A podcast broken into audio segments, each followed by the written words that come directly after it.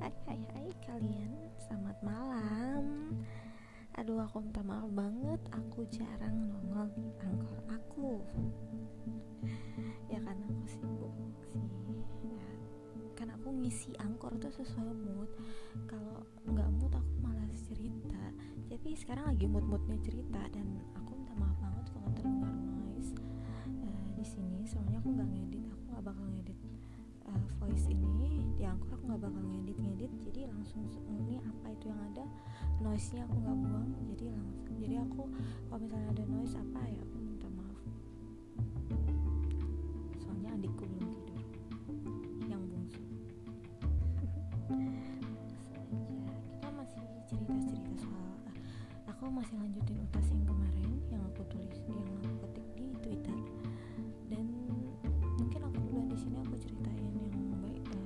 versi voice. Sebuah kota menyenangkan di atas samudra. Rajanya bahagia pestanya sangat meriah. Tetapi laut naik dengan kehebatan tak terkira. Dan sebuah ombak raksasa menyapu segala-galanya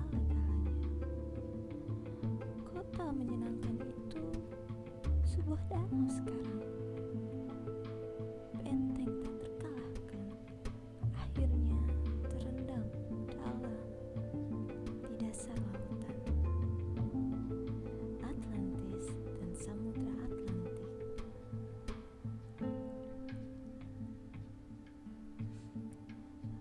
Satu-satunya tempat yang sejauh ini belum dinyatakan sebagai lokasi Atlantis di antara ratusan lokasi adalah Indonesia.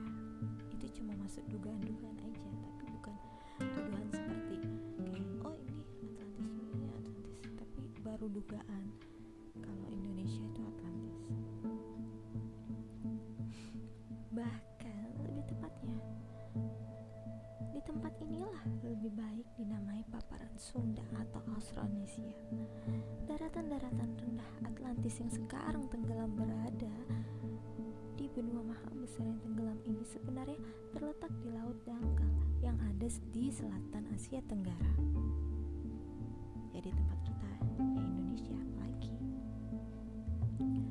Pulau-pulau Indonesia yang jumlahnya banyak dan tersebar sesungguhnya adalah dataran-dataran tinggi dan puncak-puncak gunung yang tersisa ketika dataran-dataran rendahnya yang luas tenggelam pada akhir zaman es ini. Ini menceritakan waktu Atlantis kan. Kita pernah dengar dulu semua benua itu jadi satu. Namanya Pangea. Terus dia terpecah jadi dua. Aku lupa namanya apa. Yang jelas ingatku begitu. Terus dia akhirnya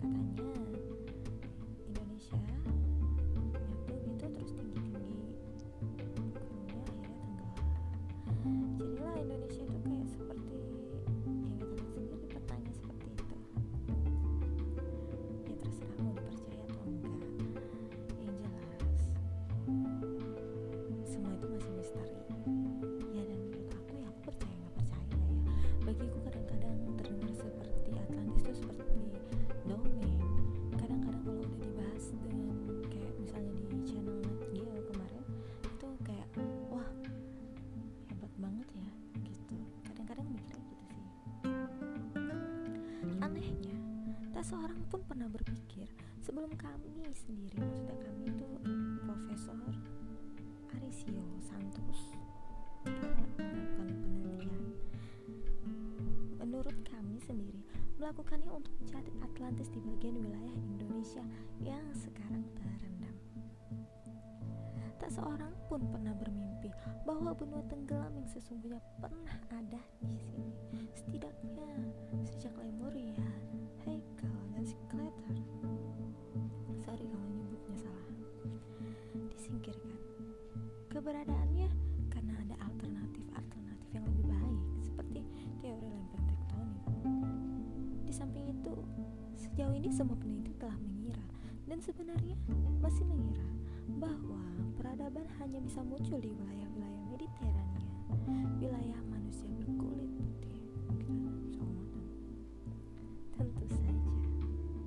ada bukti kuat tentang keberadaan Atlantis, apalagi Lemuria pernah dimunculkan sebelumnya dengan cara serius lewat usaha para pendukung pendapat di atas. Semua peta dan bukti yang sejauh ini disajikan oleh para Atlantolog awal ini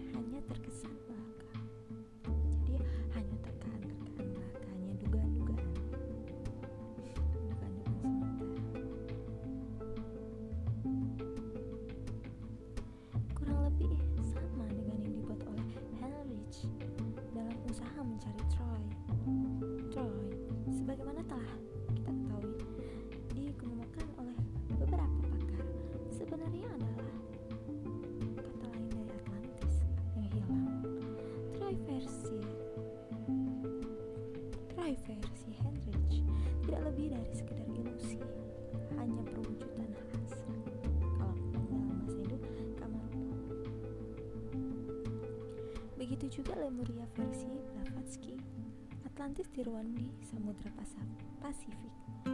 Begitulah kenyataannya. Meskipun banyak peta-peta terkaan diperlihatkan dalam jumlah besar, buku karya penganut teosofi dan semua peneliti-peneliti serupa dari beragam pemikiran. Alasan tidak adanya lokasi-lokasi yang bisa diterima dengan realistis mudah untuk dipahami. Semua pakar ini telah mencari Atlantis di bagian dunia yang salah. Menurut dokter, eh, menurut Profesor Aristia. Karena itu, semua yang pernah mereka temukan seperti halnya beberapa lokasi yang kerap menjadi usulan berisi hayalan, kepalsuan semata. Sebagian besar pakar umumnya menempatkan Atlantis di sekitar Samudra Atlantik, tempat di mana Atlantis tidak pernah ada sebelumnya. Jadi tentang namanya Atlantik, jadi Atlantis di situ. Mungkin begitu. Dalam hal ini, mereka lupa bahwa bangsa-bangsa kuno umumnya mengabaikan keberadaan Amerika dan karenanya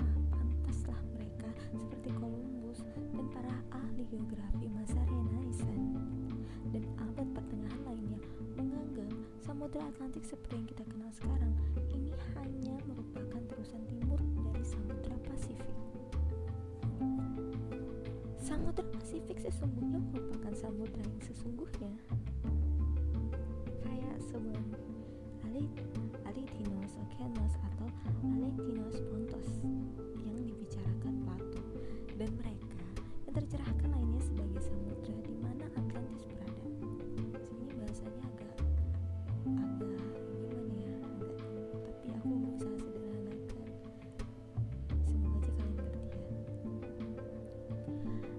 zaman dahulu, ketika Yunani Pontos sama artinya dengan laut tinggi samudra, kami telah mendapatkan dan menjelaskan panjang lebar di sini. Mungkin untuk pertama kalinya bahwa samudra yang sesungguhnya versi Plato adalah Samudra Pasifik, sedangkan Samudra Atlantik dan Hindia masing-masing dianggap sebagai terusan ke arah semua itu bagian dari Pasifik dan itu merupakan terusan. Dengan nama ini, Plato dan semua pendukungnya tanpa kecuali menunjuk Samudra Atlantik, Atlantic Ocean sebagai samudra dari Atlantis. Jadi Ocean of Atlantis. Yang mereka pikir membentang hingga ke Hindia Timur seperti anggapan Columbus. Di samping itu, semua peneliti Atlantis modern gagal memperhitungkan fakta dasar yang disebut oleh Plato dan rekan-rekannya. Bahkan, benua Atlantis yang maha besar itu sesungguhnya tenggelam dan lenyap ke dalam laut. Karena ia berada di bawah perairan, bukan di permukaan bumi.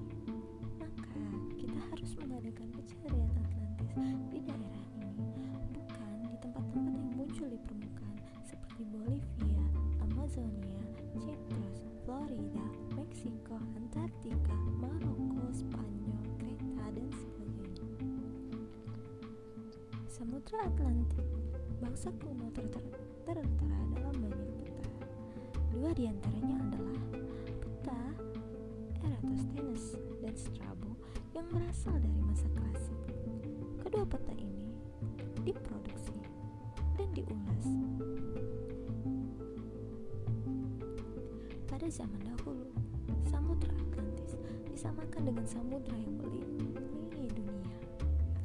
Terlebih, gambaran tentang samudra Atlantis yang salah kita namai sebagai samudra Atlantik. Jadi kita tuh kayak mikir sekarang Atlantik itu apa banyak orang yang mikir sekarang Atlantik itu di samudranya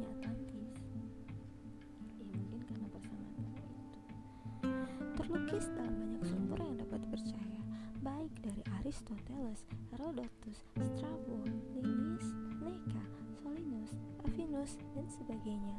Samudra ini juga memiliki beberapa nama, Samudra Barat, Samudra Luas, Mare, Magnum, enak banget ya, atau lebih biasa disebut Samudra saja. Penulis-penulis tersebut ada yang sejaman dan ada juga yang lebih tua dari dari Plato. Jadi, tidak diragukan bahwa filosof tersebut juga mengambil sebagian dari pendapat-pendapat mereka dengan satu cara atau cara lainnya. Hal semacam ini juga dilakukan oleh penulis-penulis dari zaman yang lebih muda dari mereka, seperti yang dilakukan oleh penulis-penulis dari masa Renaissance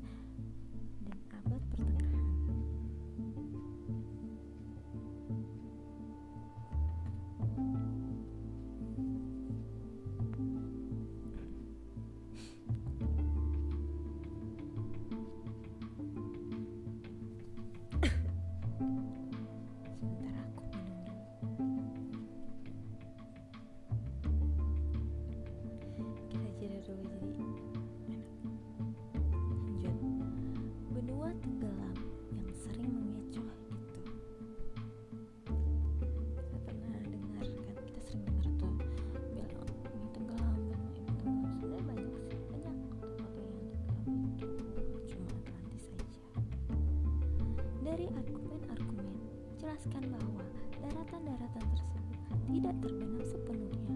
Permukaan laut yang naik membanjiri dan merendam seluruh daratan. Inilah yang terjadi di Atlantis Lemuria dan juga di lembah Indus, lokasi Atlantis kedua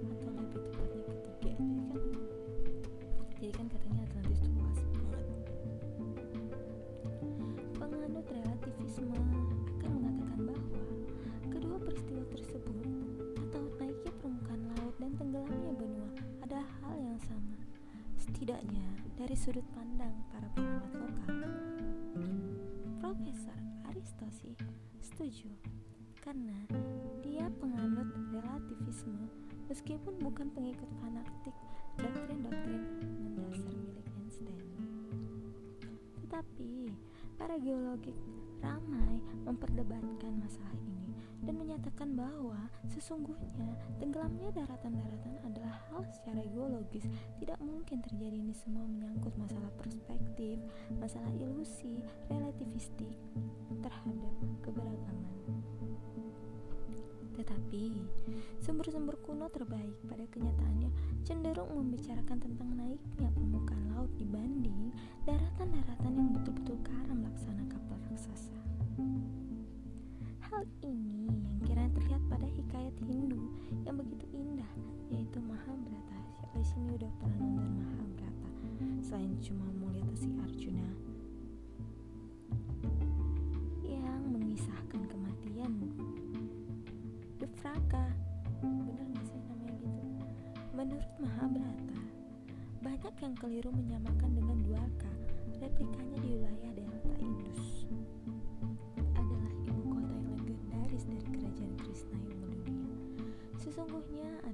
epos besar dari India. Keduanya jelas-jelas menyajikan satu peristiwa sejarah yang sama dengan cerita yang berbeda. Yang pertama tampaknya merupakan kisah dari sudut pandang bangsa Dravida tentang perang besar atau Ramayana.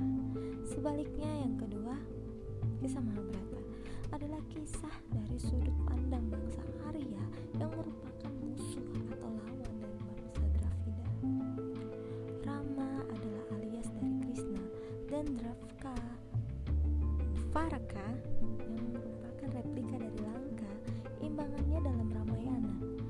juga kedua epos agung ini sebenarnya merujuk ke peristiwa geologis yang berbeda, di mana peristiwa yang satu dianggap sebagai pengulangan dari peristiwa lainnya. Legenda tentang Langka tidak hanya tersebar di wilayah Dwarka, tetapi juga beberapa wilayah India kuno lainnya. Salah satunya adalah Sri Lanka. Wilayah yang banyak disalahpahami sebagian besar orang sebagai Lanka dan Taproben yang sebenarnya. Tetapi, sebagaimana yang akan dijelaskan lebih terperinci adalah kekeliruan semata. Dalam kitab Ramayana, Faraka juga diluapi oleh air laut yang naik. Tetapi kedua kisah tersebut dikacaukan dan kedua kelompok yang berseteru adalah keluarga-keluarga yang sangat dekat. Hal yang sama ternyata juga terjadi dalam besar Atlantis di mana kedua pihak diberi simpati yang sama besar yang sama oleh filosof tersebut. Diberikan kedua simpati oleh Plato. Jadi Plato tuh nggak milih siapa yang bangsa di Atlantis tuh bangsa ini bangsa ini. Menurut Plato itu semua sama.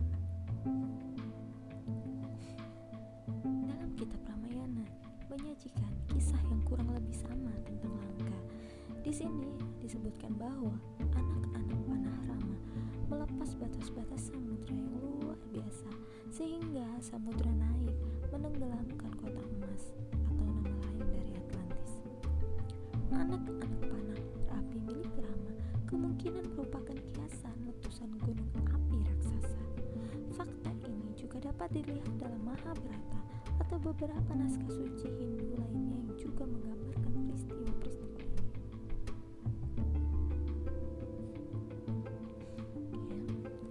Zaman es sesungguhnya berakhir tiba-tiba sekitar 11.600 tahun yang lalu. Ini sama persis dengan penanggalan diberikan oleh Plato dalam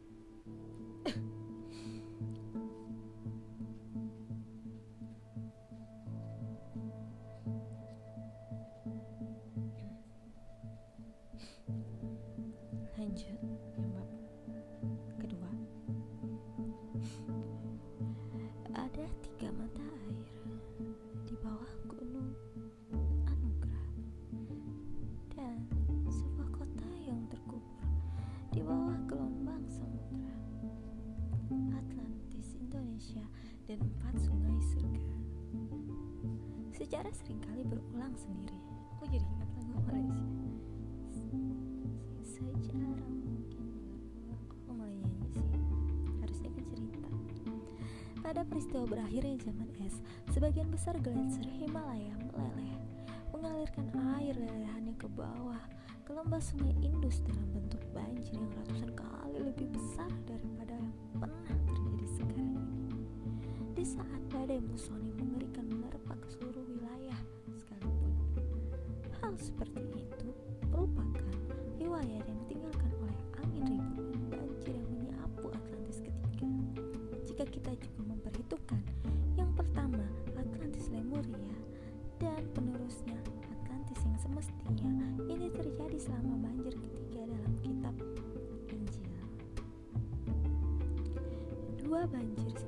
dipicu oleh gunung berapi Toba dan Krakatau.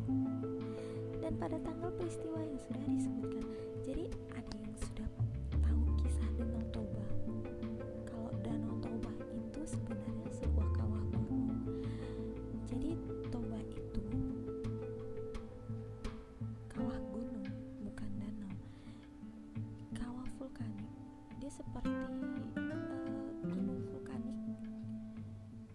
Sebuah gunung dulunya yang meletus. Itu aku pernah baca sih 76.000 tahun yang lalu kalau nggak salah. Jadi 76.000 tahun yang lalu uh, Gunung Toba pernah meletus dan letusannya akibat dari letusannya itu menutupi dunia. Semua kabut awan bisa awan panasnya itu menutupi dunia selama beberapa tahun. Dan itu terjadi musim dingin. Yang zaman es yang karena kan tertutup matahari semua selama sekitar dua tahun atau tiga tahun gitu.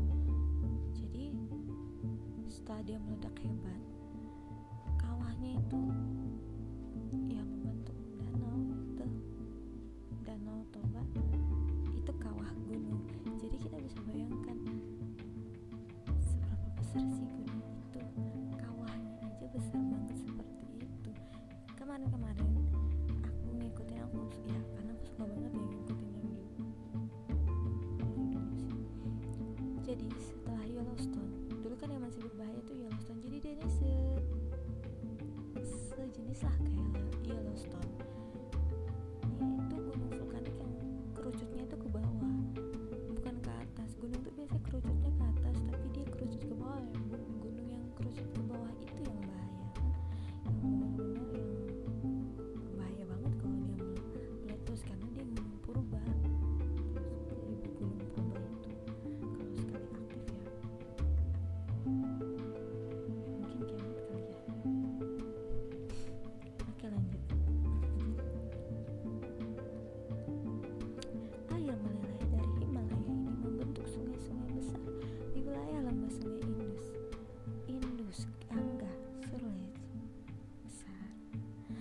dan Brahmaputra sungai-sungai ini diidentifikasi sebagai empat sungai surga terutama, dalam Buddhisme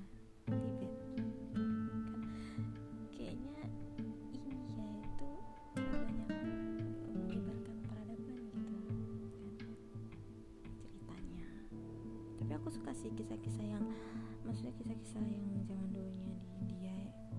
hanya suka suka sih kisah-kisahnya dalam tradisi Hindu Buddha, Gunung Kailasas biasanya diidentifikasi sebagai Gunung Meru, Gunung Suci Surga, sumber empat sungai surga. Replikanya begitu sempurna, sampai-sampai sedemikian lama saya keliru mempercayai bahwa inilah sumber sebenarnya. Empat sungai surga yang menjadi figur utama dalam tradisi Aristosi kemudian memperhatikan bahwa hal yang sama juga terjadi di sisi lain Himalaya yang agung. Tempat munculnya sungai-sungai besar yang mengairi Asia Selatan, Cina, dan Asia Tenggara seperti Huangho, Yangtze, Mekong, dan Irrawaddy. Tetapi keempat sungai ini sekali lagi hanyalah replika dari empat sungai surga sisa-sisanya yang tenggelam kami temukan baru-baru ini di Indonesia. Seperti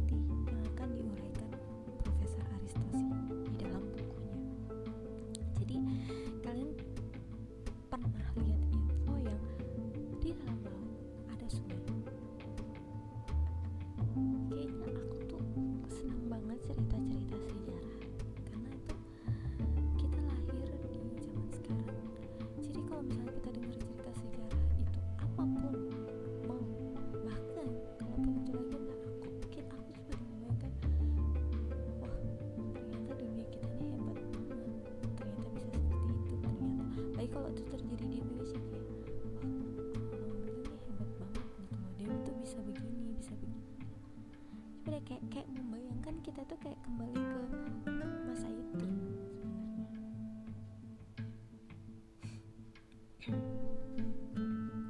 hampir bisa dipastikan bahwa Atlantis Indonesia juga penerusnya.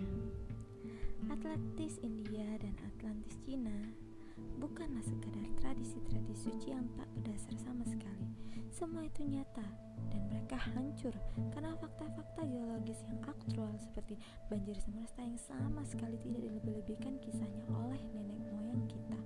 Berserangan berseberangan berseberangan sih. Berseberangan dengan premis-premis Darwin dan Liel yang sudah begitu lama membodohi orang. Aku memang nggak nggak terlalu percaya sama Darwin Darwin sih teorinya tuh. Terlalu melogiskan pikirannya dia.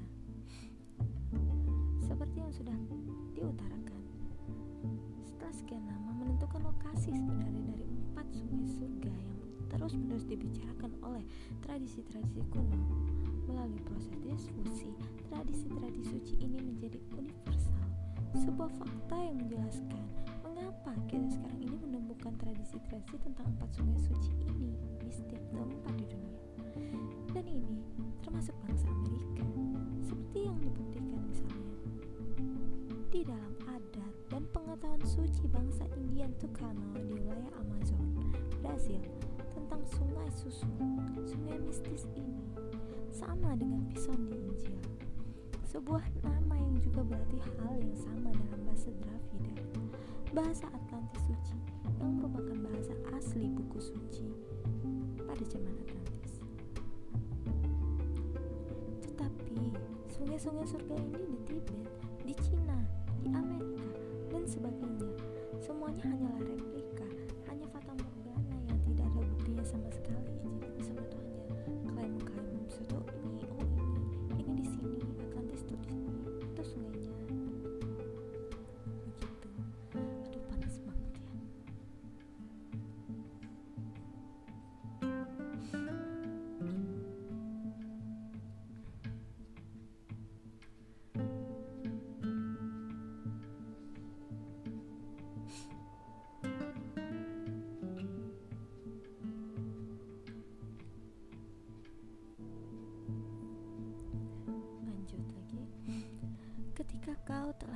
Telah menyingkirkan hal-hal yang mustahil, apa pun yang tersisa, tersisa kok Siska.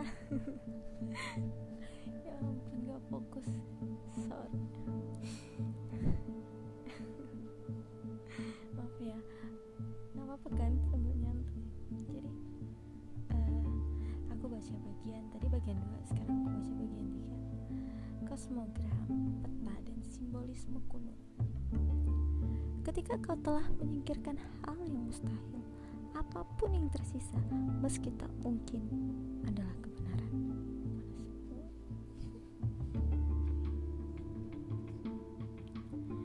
Sebuah gempa bumi maha dahsyat yang menyebabkan gunung-gunung membara lidah-lidah api menjulur ke angkasa. Bintang gemintang berjatuhan bagai batu banjir mendera.